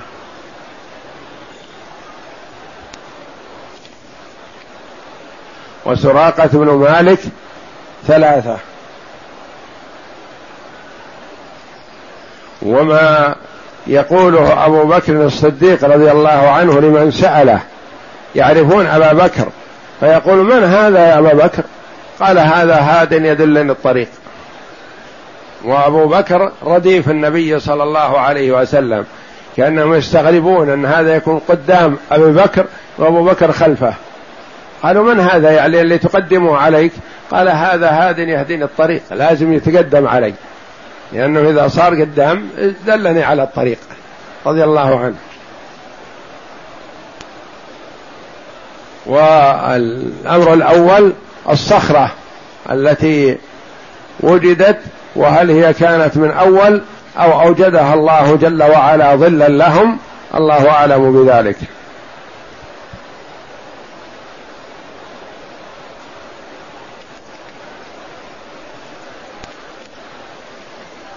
نعم خامسا. خامسا وفي الطريق لقي النبي صلى الله عليه وسلم أبا بريدة وكان رئيس قومه خرج في طلب النبي صلى الله عليه وسلم وأبي بكر رجاء أن يفوز بالمكافأة الكبيرة التي كان قد أعلن عنها قد أعلن عنها قريش. ولما واجه رسول الله صلى الله عليه وسلم وكلمه أسلم مكانه مع سبعين رجلا من قومه ثم نزع عمامته وعقدها برمحه فاتخذها راية تعين بأن ملك الأمن والسلام قد بأن ملك الأمن والسلام قد جاء ليملأ الدنيا عدلا وقسطا. الخامس هذا أبو بريدة رضي الله عنه كان خرج مع قومه يلتمس لعله يجد محمد. الذي أعلنت قريش المكافأة العظمى مئة من الإبل تغنيه وتغني قومه. وإذا كانوا اثنين مئتين من الإبل فخرج بقومه يلتمس لعله يجد محمد حتى يسلمه لكفار قريش ليأخذ الجائزة. فكلمه النبي صلى الله عليه وسلم فأسلم مكانه رضي الله عنه. لأنه عليه الصلاة والسلام لطيف في أسلوبه وكلامه حكمة وعدل ويدعو الناس إلى الرغبة فيما عنده صلى الله عليه وسلم بحسن مخاطبته عليه الصلاة والسلام. ادعو إلى سبيل ربك بالحكمة والموعظة الحسنة وجادلهم بالتي أحسن. ولو كنت فظا غليظ القلب لانفضوا من حولك. لكن الله جل وعلا وهبه من الخلق ما لم يهب غيره. وإنك لعلى خلق عظيم عليه الصلاة والسلام. خلقه حسن مع المسلم والكافر ومع الصغير والكبير مع العربي والعجمي مع الحضري والبدوي عليه الصلاة والسلام. فأسلم أبو بريدة هو ومن معه سبعون في مجلسهم وهؤلاء السبعون خرجوا متعاونين لعلهم يجدون محمد صلى الله عليه وسلم ليسلموا لكفار قريش. نعم. سادسا وفي الطريق لقي رسول الله صلى الله عليه وسلم الزبير وهو في ركب المسلمين كانوا تجارا قافلين من الشام فكسى الزبير رسول الله صلى الله عليه وسلم وأبا بكر ثيابا بيضاء. الطريق لقي الرسول عليه الصلاة والسلام الزبير بن العوام وهو ابن عمة رسول الله صلى الله عليه وسلم وهو زوج أسماء بنت أبي بكر رضي الله عنهم. والزبير معه جماعة من المسلمين كانوا خرجوا من مكة إلى الشام تجار ورجعوا وفي رجوعهم تقابلوا مع النبي صلى الله عليه وسلم بالطريق. وكسى الزبير رضي الله عنه النبي صلى الله عليه وسلم ومن معه ثيابا بيض. فكان اللباس لهم مناسب لقربهم من المدينة ولقدومهم على أهل المدينة فلبسوا هذه الثياب لقدومهم للمدينة عليه الصلاة والسلام ورضي الله عن أبي بكر. نعم. النزول بقباء. نعم. أول ما نزل النبي صلى الله عليه وسلم في المدينة نزل في قباء. ويعتبر مسجد قباء أول مسجد بني في الإسلام. أول مسجد بني بعد بعثة محمد صلى الله عليه وسلم. لأن المسجد الأقصى موجود من قبل. والمسجد الحرام موجود من قبل. والمسجد النبوي إلى الآن ما وصل صلى الله عليه وسلم إلى المدينة. وأول ما نزل في المدينة نزل في قباء. وما كان فيه مسجد فأمر صلى الله عليه وسلم بتأسيس وأسس هذا المسجد الذي هو مسجد قباء. وهو لم يصل بعد إلى مكان مسجده صلى الله عليه وسلم. نعم. وفي يوم الاثنين الثامن من ربيع الأول سنة أربعة عشر من النبوة وهي السنة الأولى من الهجرة. نزل رسول الله صلى الله عليه وسلم تعتبر السنة الأولى من الهجرة لأن هذا أول هجرته. وتعتبر السنة الرابعة عشرة من النبوة لأنه قضى صلى الله عليه وسلم في مكة ثلاثة عشر سنة. وهذه تسمى تصير الرابعة عشرة من بعثته صلى الله عليه وسلم. قال عروة بن الزبير سمع عروة ابن الزبير ابن العوام. جده لأمه أبو بكر الصديق رضي الله عنه وأبوه الزبير ابن عمة رسول الله صلى الله عليه وسلم. قال سمع المسلمون بالمدينة بمخرج رسول الله صلى الله عليه وسلم من مكة فكانوا يغدون كل غداة إلى الحرة فينتظرونه حتى يردهم حر الظهيرة. يردهم حتى حتى يردهم حر الظهيرة. فانقلبوا يوما بعدما أطالوا انتظارهم. فلما أووا إلى بيوتهم أو في رجل أو أوفى رجل. من يهود على أطم من آطامهم لأمر ينظر إليه. فبصر, فبصر برسول الله صلى الله عليه وسلم وأصحابه مبيضين. مبيضين.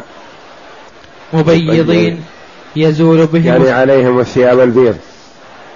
يزول بهم السراب فلم يملك اليهودي أن قال بأعلى صوته يا معشر العرب هذا جدكم الذي تنتظرون.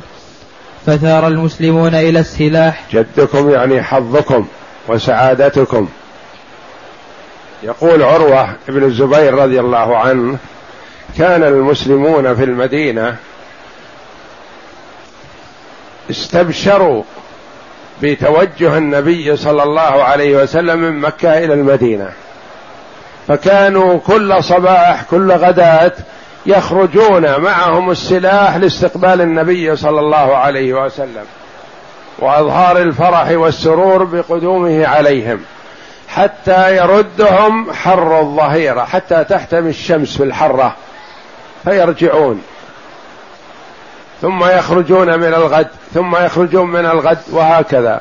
حتى في ذلك اليوم الذي قدم فيه عليه الصلاة والسلام كانوا قد خرجوا. فردهم إلى بيوتهم حر الشمس. فرجعوا إلى بيوتهم. والرسول في الطريق. فكان يهودي من اليهود ارتفع على مرفع خاص بهم لأمر ما لا لينظر هل قدم النبي أو لا.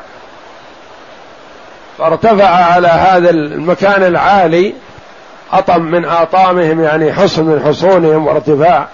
فرأى أن النبي صلى الله عليه وسلم ومن معه مبيضين يعني عليهم الثياب البيض. يزول بهم السراب يعني بين يظهرهم ويخفيهم. فما ملك نفسه صاح. بأعلى صوته يا معشر العرب هذا حظكم الذي تنتظرون. يعرف اللعين إن لم يسلم يعرف أن حظهم وسعادتهم في هذا الرجل الذي أقبل عليهم. هذا حظكم وهو في ذاك الوقت عدو لهم لكنه ما ملك نفسه وما استطاع أن يسكت. أنطقه الله جل وعلا. فثار المسلمون رضي الله عنهم إلى السلاح لاستقبال النبي صلى الله عليه وسلم ولإظهار القوة والشجاعة وليطمئنوا النبي صلى الله عليه وسلم أن عندهم القوة والمنعة ويأنس بهم ويعلم أنهم سيناصرونه ويقومون معه ضد من خالفه صلى الله عليه وسلم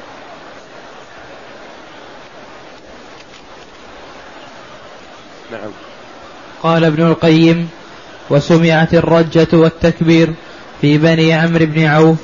هؤلاء أهل قبى اللي حول قبى ساكنين. نعم.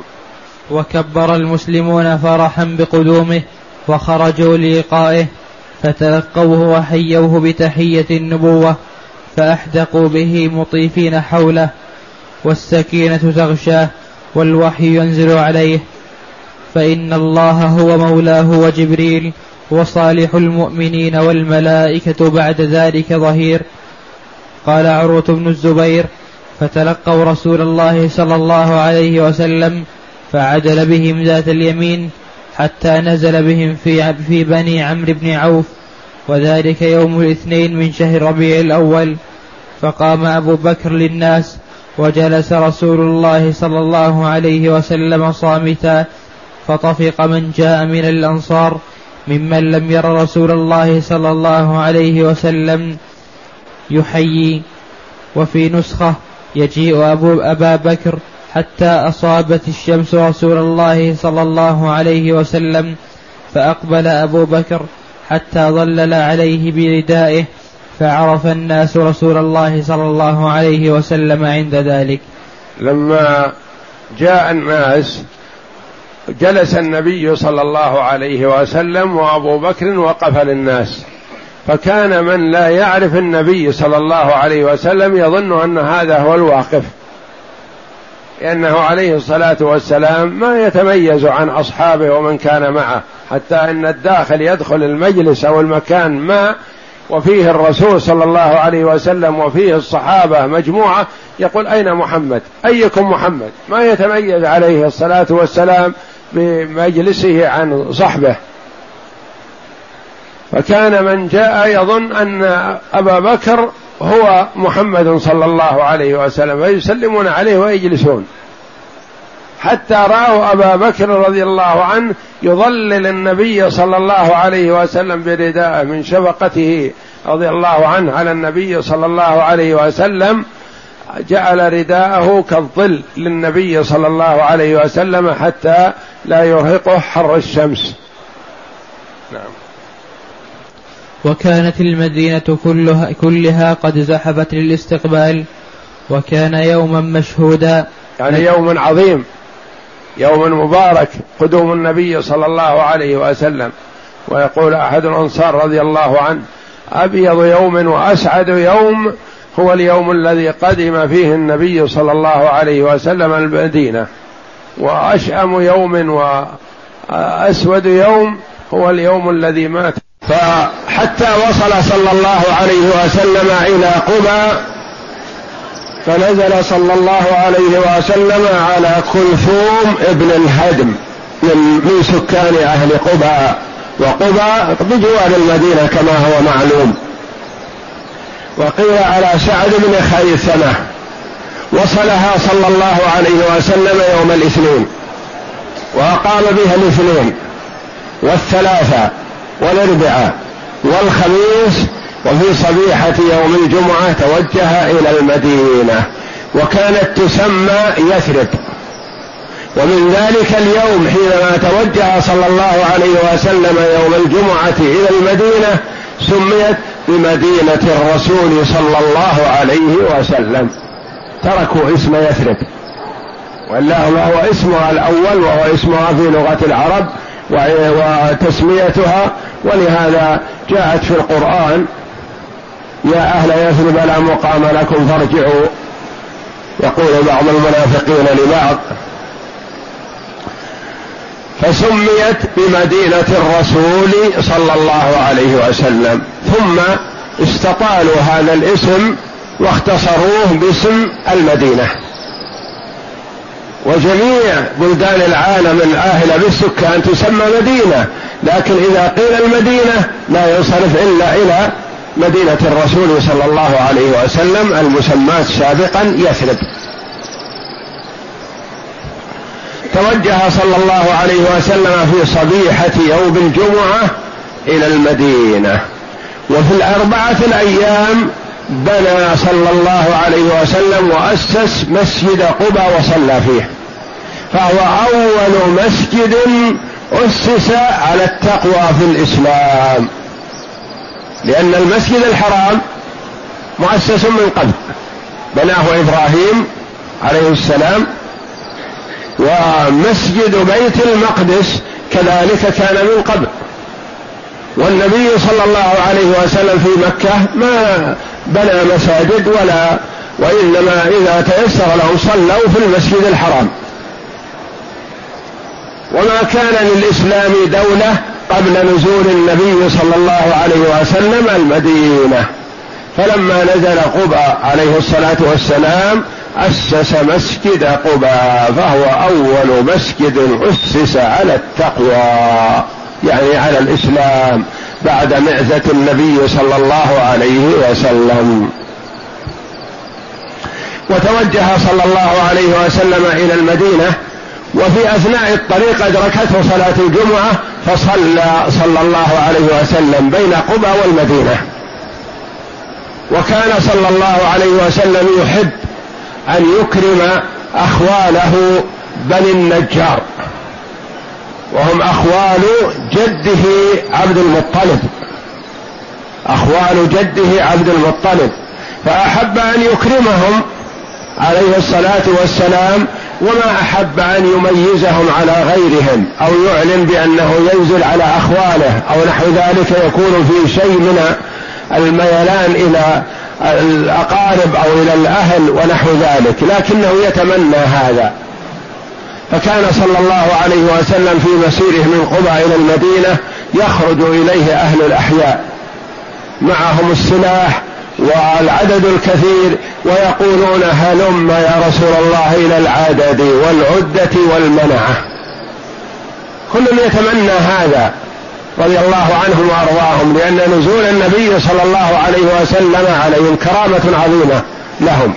فيتمنون هذا ولا يلحون ما يستطيعون أن يلحوا على رسول الله صلى الله عليه وسلم بشيء لا يراه أو لا يرغب فيه.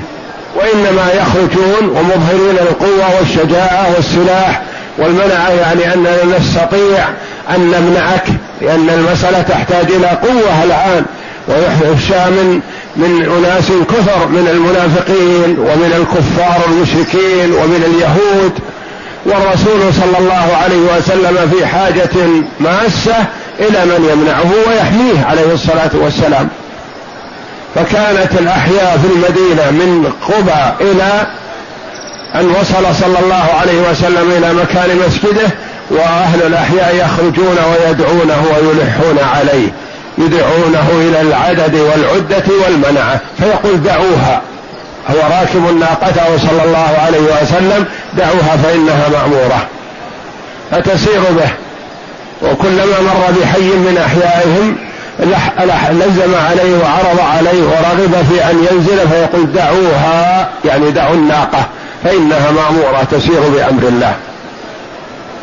فسارت حتى وصلت إلى المسجد النبوي الحالي. فبركت. ولم ينزل عنها صلى الله عليه وسلم. ثم قامت. فذهبت. غير بعيد. تؤمر بإذن الله. ثم عادت وبركت في مكانها الأول. فنزل عنها صلى الله عليه وسلم. ومن كرامة الله جل وعلا له لرسوله صلى الله عليه وسلم ولأخوانه أن سارع. أبو أيوب الأنصاري رضي الله عنه من بني النجار فأخذ رحل النبي صلى الله عليه وسلم. يعني ما معه من متاع زهيد قليل. أخذه وأدخله بيته. والصحابة رضي الله عنهم وأهل المدينة والأنصار كل يقول هلم هلم. وهذا عزم وأخذ الرحل وأدخله داره رضي الله عنه. فقال عليه الصلاة والسلام لإقناع الحاضرين كلهم ولمن ألح عليه المرء مع رحله المرء مع رحله ودخل صلى الله وقال النبي صلى الله عليه وسلم لأبي أيوب أي بيوت أهلنا أقرب؟ يعني يريد القريب لا لأجل الخطر إنما إقناعا للآخرين. فقال يا رسول الله بيتي أقرب بيت وهذا بابي أقرب باب. من من مكان نزول النبي صلى الله عليه وسلم وبروك راحلته. فقال عليه الصلاة والسلام لأبي أيوب اذهب فهيئ لنا مقيلا. يعني نستريح فيه. وفي هذا تطيب خاطر للجميع لأنه ما ميز أبا أيوب وإنما أبو أيوب رضي الله عنه هو الذي سارع وأخذ الرحل. وأخذ أسعد بن زرارة رضي الله عنه بعير النبي صلى الله عليه وسلم وأدخلها داره كما سيأتينا. نعم. وأقام رسول الله. بسم الله الرحمن الرحيم والصلاة والسلام على أشرف الأنبياء والمرسلين نبينا محمد وعلى آله وصحبه أجمعين. قال المؤلف رحمه الله تعالى وأقام رسول الله صلى الله عليه وسلم بقبى أربعة أيام الاثنين والثلاثاء والإربعاء والخميس. وأسس مسجد قبى وصلى فيه وهو أول مسجد أسس على التقوى بعد النبوة. على التقوى بعد النبوة انتبه. لأنه ما هو أول مسجد أسس على التقوى مطلقا. فيه المسجد الحرام والمسجد الأقصى قبله. لكن هو أول مسجد أسس بعد نبوة محمد صلى الله عليه وسلم. ولهذا له فضل ومع فضله فلا تشد إليه الرحال وإنما تستحب زيارته لمن كان في المدينة. ففرق بين زيارة المكان والمرء في البلد وبين شد الرحل فلا تشد الرحل إلا إلى ثلاثة مساجد المسجد الحرام ومسجد النبي صلى الله عليه وسلم ومسجد الأقصى البيت المقدس. خلصه الله من عيد اليهود. هذه المساجد فإذا وصل المرء إلى المدينة فيستحب له أن يزور مسجد قباء لأن هذا ما يحتاج إلى شد رحل وكان النبي صلى الله عليه وسلم يزوره غالبا كل سبت ويذهب إليه ماشيا وراكبا. يعني أحيانا ماشي وأحيانا راكب لأنه قريب من المدينة. فتستحب زيارته لمن كان في المدينة ولا تشرع زيارته لمن كان بعيدا كان يكون في مكة أو في غيرها. يقول أذهب أزور مسجد قباء. نقول لا يا أخي ما يجوز لك ذلك. لأن النبي صلى الله عليه وسلم قال لا تشد الرحال إلا إلى ثلاثة مساجد. وأنت في مكة تحتاج إلى شد رحل أو في الطائف أو في جدة أو في الرياض أو في الشام أو في مصر. يقول أذهب انظر المسجد مسجد قباء. نقول لا يا أخي لا يشرع لك ذلك وإنما تزور المسجد الحرام تزور المسجد النبوي تزور بيت المقدس. نعم. فإذا وصلت إلى المدينة فيستحب أن تزور مسجد قباء. كما أنك إذا وصلت إلى المدينة يستحسن ويستحب أن تزور قبور الصحابة والمسلمين في بقيع الغرقد. وتزور قبور شهداء أحد في أحد لأن هذا لا يحتاج إلى شد رحل هذا داخل المدينة. لكن شد الرحل إلى ثلاثة المساجد فقط. نعم. فلما كان اليوم الخامس يوم الجمعة ركب بأمر الله له وابو بكر ردفة. يعني أبو بكر كان يركب خلفه رضي الله عنه. نعم. وأرسل إلى بني النجار أخواله فجاءوا متقلدين سيوفهم فسار نحو المدينة فأدركته الجمعة في بني سائب بن عوف يعني بين قباء والمدينة في واد هناك. نعم. فجمع بهم في المسجد الذي جمع يعني صلى بهم صلاة الجمعة عليه الصلاة والسلام. فجمع بهم في المسجد الذي في بطن الوادي وكانوا مئة رجل. مئة رجل الذين حضروا الجمعة أول جمعة أقيمت في المدينة. الدخول في المدينة. وبعد الجمعة دخل النبي صلى الله عليه وسلم المدينة ومن ذلك اليوم سميت بلدة يثرب بمدينة الرسول صلى الله عليه وسلم ويعبر عنها بالمدينة مختصرا. وكان يوما تاريخا أغر فقد كانت البيوت والسكك ترتج بأصوات التحميد والتقديس. يعني فرحا بقدوم النبي صلى الله عليه وسلم إلى المدينة. يوم أغر يعني أبيض يوم سرور يوم فرح. وحق لهم ذلك رضي الله عنهم أن يفرحوا بهذا الخير العظيم الذي ساقه الله جل وعلا إليهم. فهو عليه الصلاة والسلام بعث في مكة وهاجر إلى المدينة عليه الصلاة والسلام واستقر في المدينة وقال المحيا محياكم والممات مماتكم. يعني أنا مقيم عندكم مكافأة لهم على نصرتهم له صلى الله عليه وسلم ورضي الله عنهم وأرضاهم. نعم. وكانت بنات الأنصار تتغنى بهذه الأبيات فرحا وسرورا. أشرق البدر علينا من ثنيات الوداع. وجب الشكر علينا ما دعا لله داع أيها المبعوث فينا جئت بالأمر المطاع. هذه أبيات يتغنى بها يعني يرددنها بنات الأنصار الصغيرات و آه، بعض العلماء رحمهم الله قال إنها تقال هذه قيلت عند قدومه صلى الله عليه وسلم إلى المدينة وهذا هو الأقرب. وبعضهم رحمه الله قال إنها قيلت لما عاد النبي صلى الله عليه وسلم من غزوة تبوك يعني في آخر حياته صلى الله عليه وسلم. والبنيات الصغيرات يقولن ما يقولن ابتهاجا وسرورا وفرحا وإظهارا للسرور والفرح بمقدم النبي صلى الله عليه وسلم. وكذلك كنا يفعلن مثل أيام الأعياد فكان النبي صلى الله عليه وسلم يقرهن على ذلك وأراد أبو بكر رضي الله عنه أن ينتهرهن يوم العيد وهن يقولن شعرا عند النبي صلى الله عليه وسلم فقال دعهن يا أبا بكر فإن لكل أمة عيدا وهذا عيدنا أو كما قال صلى الله عليه وسلم. نعم. والأنصار إن لم يكونوا أصحاب ثروات طائلة إلا أن كل واحد منهم كان يتمنى أن ينزل الرسول صلى الله عليه وسلم عليه فكان لا يمر بدار من دور الأنصار إلا, وأخ إلا أخذوا خطام راحلته هلم إلى العدة العدد والعدة والسلاح والمنعة فكان يقول لهم خلوا سبيلها فإنها مأمورة. يعني خلوا سبيل الناقة فإنها مأمورة تنزل حيث أمرها الله جل وعلا.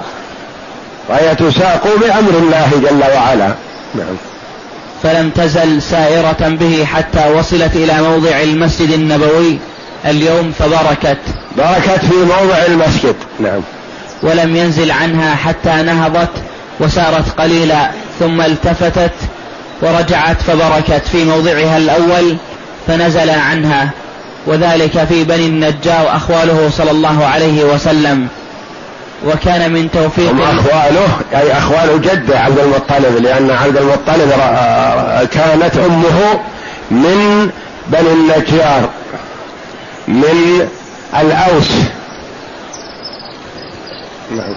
وكان من توفيق الله لها فإنه أحب أن ينزل على أخواله فيكرمهم بذلك. فجعل الناس يكلمون رسول الله صلى الله عليه وسلم في النزول عليهم يعني يأتون إليه مباشرة يكلمون يعرضون عليه أن ينزل عندهم. فسارع أبو أيوب وأخذ رحل النبي صلى الله عليه وسلم وأدخلها وهو عليه الصلاة والسلام يحب ذلك. وما أحب أن يميز أحدا بالموافقة عليه الصلاة والسلام لأن كل يدعوه وكل حريص.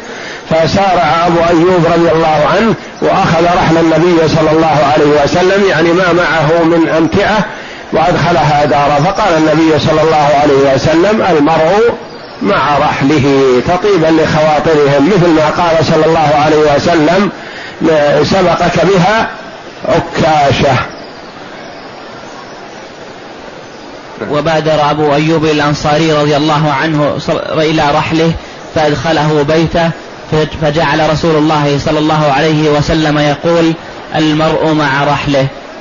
وجاء أسعد بن زرارة فأخذ بزمام راحلته وكانت عنده. يعني تولى راحلة النبي صلى الله عليه وسلم. وفي رواية أنس عند البخاري قال نبي الله صلى الله عليه وسلم أي بيوت أي بيوت أهلنا أقرب؟ فقال أبو أيوب أنا يا رسول الله هذا دا هذه داري وهذا بابي.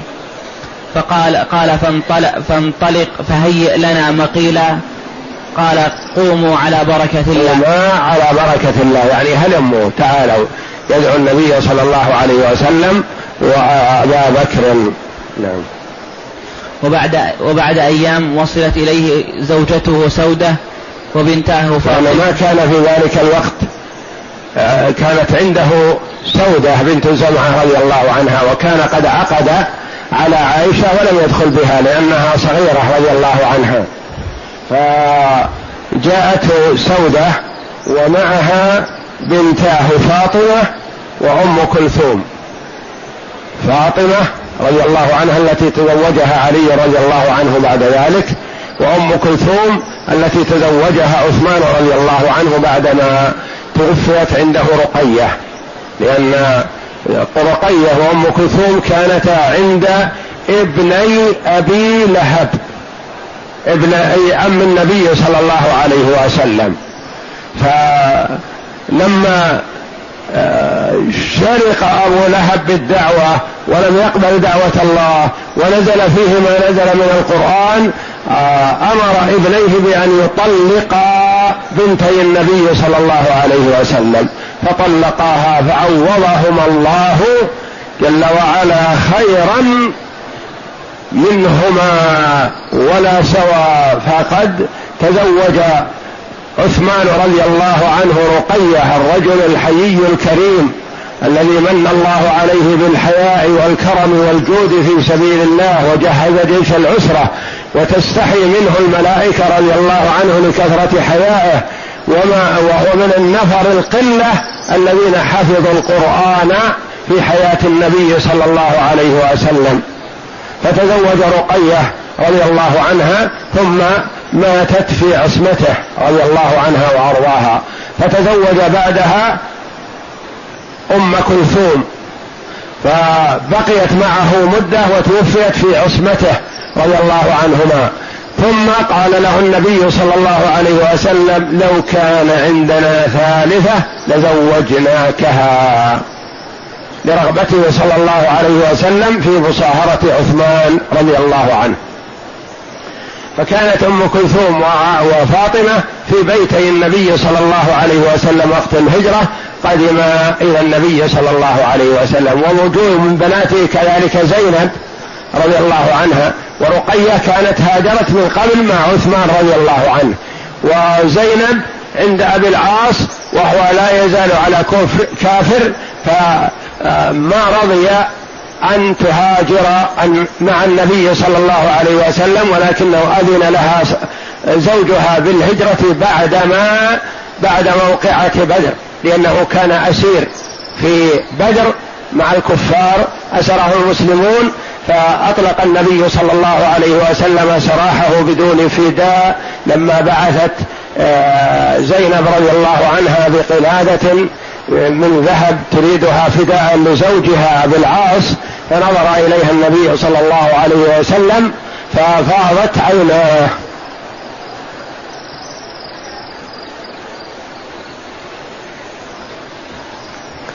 وعرض على الصحابة رضي الله عنهم إن شاءوا أن يردوا إليها فداءها فردوها وأطلق سراحه وأمره أن يرسل له زينب بعد وصوله إلى مكة. فلما عاد أبو العاص إلى مكة أرسل زينب بنت النبي صلى الله عليه وسلم إليه في المدينة. نعم. أقرأ. وبنتاه فاطمة وأم كلثوم. وبعد أيام وبعد أيام وصلت, وصلت إليه زوجته سودة وبنتاه فاطمة وأم كلثوم وأسامة بن زيد وأم أيمن. أم أيمن هي حاضرة النبي صلى الله عليه وسلم وهي أم أسامة وهي زوج زيد بن الحار بن حارثة رضي الله عنه الذي كان يدعى زيد بن محمد. ف أسامة رضي الله عنه هو ابن آلة النبي صلى الله عليه وسلم أم أيمن وحاضنته وابن زيد حب رسول الله صلى الله عليه وسلم. فأسامة يقال له حب رسول الله صلى الله عليه وسلم وابن حبه رضي الله عنهما. نعم. وخرج معهم عبد الله بن, بن أبي بكر بعيال أبي بكر. ومنهم عائشة. ومنهم عائشة لأنها كانت في بيت أبي بكر لا تزال لأنها صغيرة وقد عقد عليه النبي صلى الله عليه وسلم ولم يدخل بها. فكانت مع أهلها في بيت أبي بكر الصديق رضي الله عنهم. نعم. وبقيت زينب عند أبي العاص لم يمكنها من الخ... لم يمكنها من الخروج حتى هاجرت بعد بدر. هاجرت رضي الله عنها إلى المدينة بعد بدر. نعم. قالت عائشة لما قدم رسول الله صلى الله عليه وسلم المدينة وعك أبو بكر وبلال. يعني أصابتهم حمى لأن كانت المدينة فيها حمى. من ينزل فيها لأول وهلة تصبه الحمى أياما فأصابت الحمى أبا بكر رضي الله عنه وبلال رضي الله عنه. نعم. فدخلت عليهما فقلت يا عائشة رضي الله عنها تقول دخلت عليهما على أبي بكر أبيها وعلى بلال وهو رقيق أبيها مولاه. فقلت يا أبتي كيف تجدك؟ ويا بلال كيف تجدك؟ تسألهما عن حالهما رضي الله عنهم. قالت فكان أبو بكر كل امرئ مصبح في أهله والموت أدنى من شراك نعله. فهو حينما تزداد عليه الحمى رضي الله عنه يتغنى بهذا البيت من الشعر. كل امرئ مصبح في أهله والموت والموت أدنى من شراك نعله. ولا يدري متى ينزل عليه الموت. نعم. وكان بلال إذا أقلع عنه الحمى يرفع عقيرته ويقول يرفع عقيرته يعني صوته. يرفع صوته بهذه الابيات وكان الأصل فيها العقر هو قطع القوائم أو بعضها. وكان رجل في من العرب قطعت رجله فكان إيه، تؤلمه ويرفعها فوق الرجل الصحيحة وينادي بأعلى صوته. فسميت عقيرة. فسمي من يرفع صوته يرفع عقيرته يعني صوته. ويقول ألا ليت شعري هل أبيتن بواد أبيتن. ألا ليت شعري هل أبيتن بواد وحولي إذخر بواد وحولي إذخر وجليل وهل أردن يوما مياه مجنة وهل يبدن لي شامة وطفيل. هذا بلال رضي الله عنه يقول ليت شعري هل أنا سأعود إلى مكة؟ يحن حنينا إلى مكة رضي الله عنه. وحينما نزل في المدينة أصابته الحمى. أصله يحن إلى مكة ويحبها وأصابته الحمى في المدينة. فيقول هل أموت هنا أو أعود إلى مكة؟ رضي الله عنه. ألا ليت شعري هل أبيتن بواد حو حولي إذخر وجليل هذا نبات معروف في مكة. وهل أردن يوما مياه مجنة؟ وهل يبدون لي شامة وطفيل شامة وطفيل جبلان بمكة؟ وقيل عينان يعني بئران. والظاهر أنهما جبلان. نعم. قالت عائشة فجئت رسول الله صلى الله عليه وسلم فأخبرته يعني أخبرته رضي الله عنها بما يتغنى ويتكلم به صاحباه أبو بكر وبلال. تخبره بما حصل وإلا هم في ناحية وفي ناحية لكنهم تخبرها تخبر النبي صلى الله عليه وسلم ليطلع على حاليهما. ثم إنه عليه الصلاة والسلام دعا بدعائه المعروف. نعم.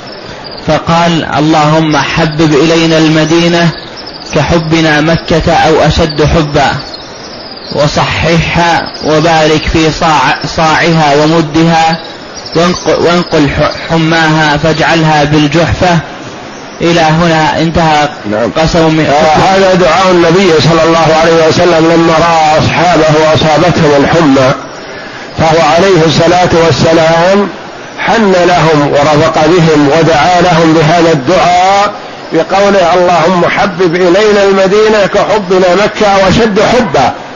لأن الصحابة رضي الله عنهم لأن المهاجرين يحبون مكة حبا شديدا وإنما تركوها رغبة فيما عند الله جل وعلا. تركوا أغلى ما يحبون آه، استجابة ورغبة في مناصرة رسول الله صلى الله عليه وسلم في المدينة. وصححها يعني انقل المرض الذي فيها والحمى التي فيها واجعل بدلها صحة وسلامة.